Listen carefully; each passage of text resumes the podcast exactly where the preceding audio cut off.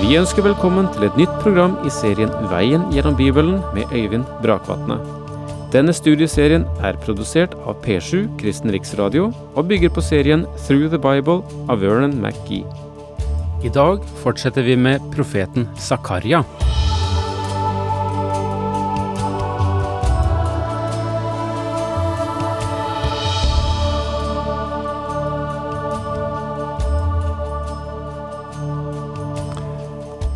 I den rekken på ti syner som Zakaria hadde i løpet av én natt, så er vi kommet til det synet som omhandler øverstepresten Josva og Satan som anklager ham for Guds åsyn.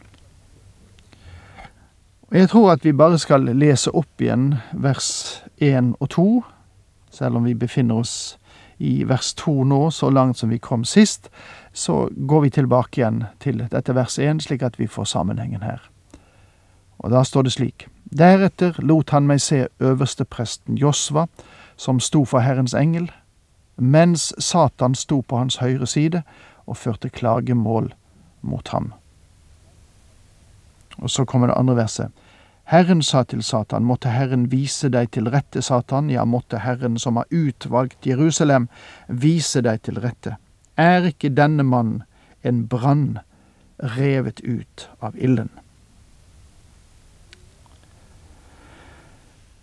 Det at Herren må vise deg til rette, er en meget hensynsfull tilrettevisning av den anklagen som Satan kommer med her.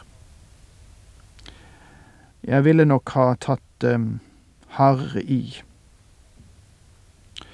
Men eh,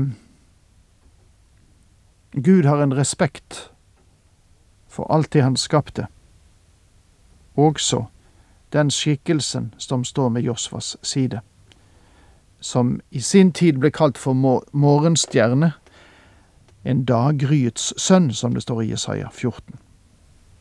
Og det er kanskje den høyeste skapning som Gud noensinne skapte. Men det ble funnet synd i ham, og denne synd var stolthet.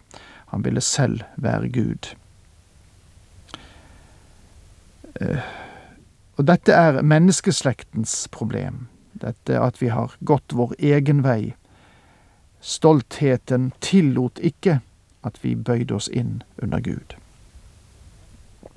Og Nå går vi videre i dette verset og ser litt på uttrykkene her. Ja, måtte Herren som har utvalgt Jerusalem, vise deg til rette. Og Dette forteller oss at den anklagen kommer ikke på bakgrunn av Josva som person, men på bakgrunn av Jerusalem, nasjonenes hovedstad. Er ikke denne mann en brann revet ut av ilden? Det virket som om Jerusalem ikke kunne bygges opp igjen etter Nebukadnesas ødeleggelse, og den lå i støv og aske i 70 år.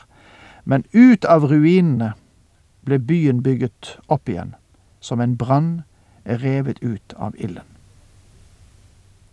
John Wesley, som er Metodistkirkens kirkefar, kalte seg selv en brann revet ut av ilden etter en hendelse fra sin barndom, der den prestegården som de bodde på, brant ned til grunnen, og det var med nød og neppe at eh, John Wesley ble reddet ut. Og jeg kan bare tenke meg at mange av oss ser på oss selv i dag på samme vis. Når jeg ser meg tilbake, er det et under at jeg ble frelst.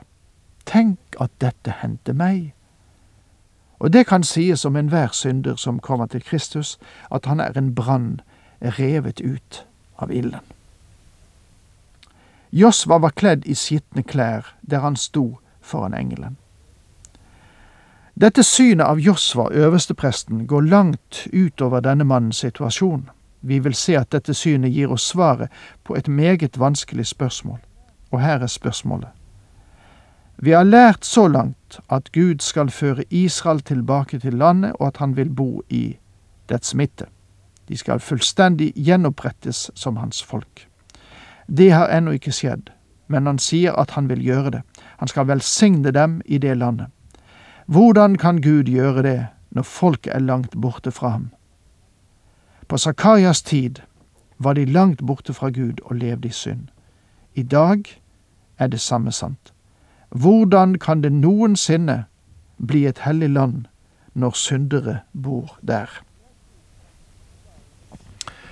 Jeg tror at forklaringen på det problemet vil demre for oss når vi gransker denne visjonen, dette synet. Josva representerer nå folket. Når vi leser videre, ser vi at han er kledd i skitne klær, meget skitne. Om du husker vårt lille studium av øversteprestens kledning, så minnes du kanskje at øverstepresten måtte være uklanderlig kledd, ellers fikk han ikke eh, gå inn for Herrens åsyn. Josva var virkelig øversteprest ved denne tid. Men i dette synet representerer han også hele folket. Josva var, som menneske, ikke fullkommen. Selv om han er Guds øverste prest, blir han beskrevet som uren, kledd i skitne klær. Om det kan ha vært sant om han personlig, det vet jeg ikke. Men jeg vet at øverstepresten har alltid representert Israel som folk. For eksempel på den store forsoningsdagen var det øverstepresten som gikk inn i det aller helligste på vegne av folket. På samme måte er Jesus Kristus vår øversteprest. Han er den som representerer samfunnet, legemet av de troende, menigheten eller kirken. Han står for Gud for oss i dag. Og det å se Josva i lys av samtlige av de ti synene Zakaria hadde, og som et profetisk bilde på nasjonen Israel, løser oss fra en meget begrenset tolkning. Og den konklusjonen vi må trekke her, det er at øversteprestens situasjon er Israels situasjon, og at han blir avkledd er et uttrykk for at folket blir renset. De ord som kommer til ham med trøst og visshet, angår i like stor grad folket som helhet. Josva var et symbol, en type på, en representant. Gud hadde valgt ham, og Gud hadde også valgt Israel.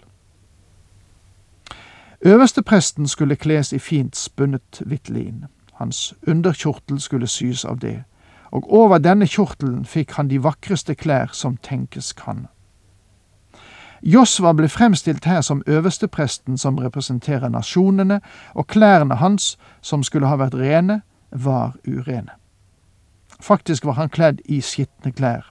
Ordet skitne betyr at det var menneskeekskrementer på dem. Det var ikke bare det at han så skitten ut, men duften var heller ikke god. Mine venner, slik ble Israels synd sett på av den allmektige Gud. Hvordan kan dette bøtes på? Og engelen sa til dem som sto foran ham, ta de skitne klærne av ham. Til Josva sa han, se, jeg tar bort din syndes skyld og vil kle deg i høytidsklær. Dette er uten tvil et av de vakreste bilder i hele Det gamle testamentet. Josva kunne ikke bli stående foran en rettferdig, hellig Gud med disse skitne klærne på. Dette fortalte også noe om hans svakhet. Du forstår at å være skitten og fillet, slik han var, gav Satan en fordel fordi hans motstander kunne peke finger til ham. Josva representerte ikke bare Israels folke, han representerer også oss i dag. I ham ser vi også den troendes synd. Josva var prest for Gud. Gud utpekte prester i Det gamle testamentet. I våre dager er hver troende prest for Gud, men noen av oss står der i skitne klær. Ja, kan du si, men jeg er kledd i Kristi rettferdighet. Du er blitt frelst, det er sant, og det er nøyaktig det bildet som fremstilles for oss her. Du forstår at de skitne klærne som representerer synd, må tas av ham, og han må ikles rene klær, symbolsk for Kristi rettferdighet.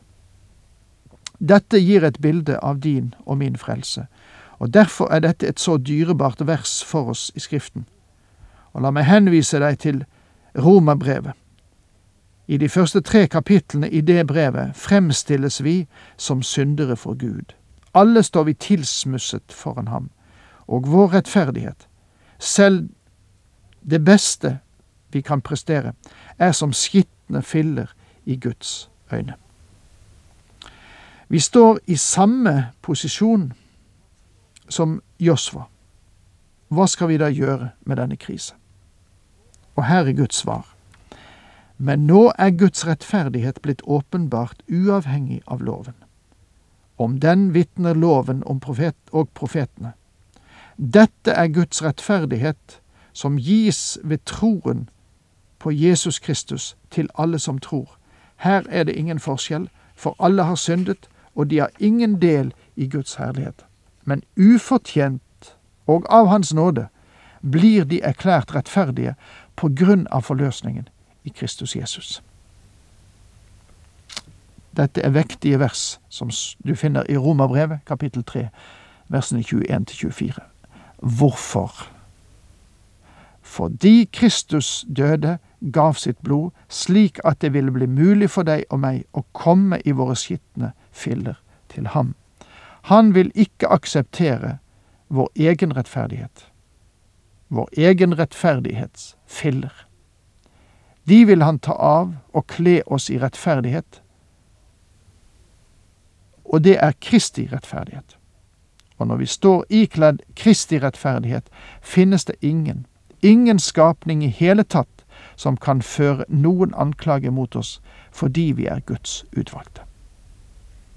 Legg merke til hva Paulus skriver i Romane 8.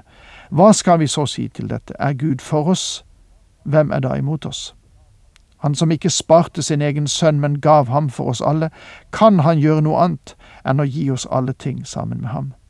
Hvem kan anklage dem som Gud har utvalgt? Gud er den som frikjenner, hvem kan da fordømme? Kristus Jesus døde, ja, mer enn det. Han sto opp og sitter ved Guds høyre hånd, og han går i forbønn for oss. Roman 8, som er sagt, versene 31 til 34.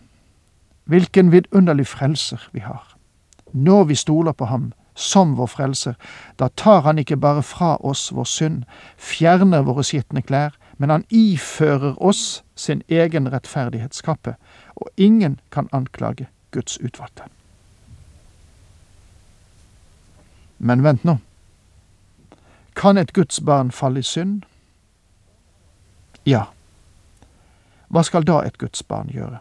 Vel, om vi bekjenner våre synder, er Han trofast og rettferdig, så Han tilgir oss syndene og renser oss fra all urett. Disse livssalige ord skriver Johannes i sitt første brev, kapittel 1, vers 9.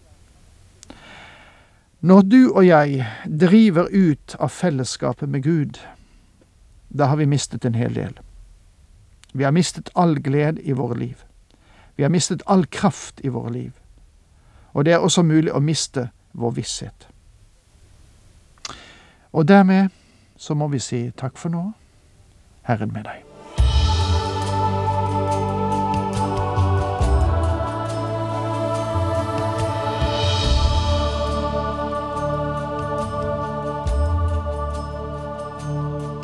Du hørte Øyvind Brakvatne i studieserien Veien gjennom Bibelen. Serien bygger på et manus av Vern McGee. Har du spørsmål eller kommentarer til programmet, kan du sende en e-post til vgb krøllalfa p7.no. Takk for i dag, og på gjenhør.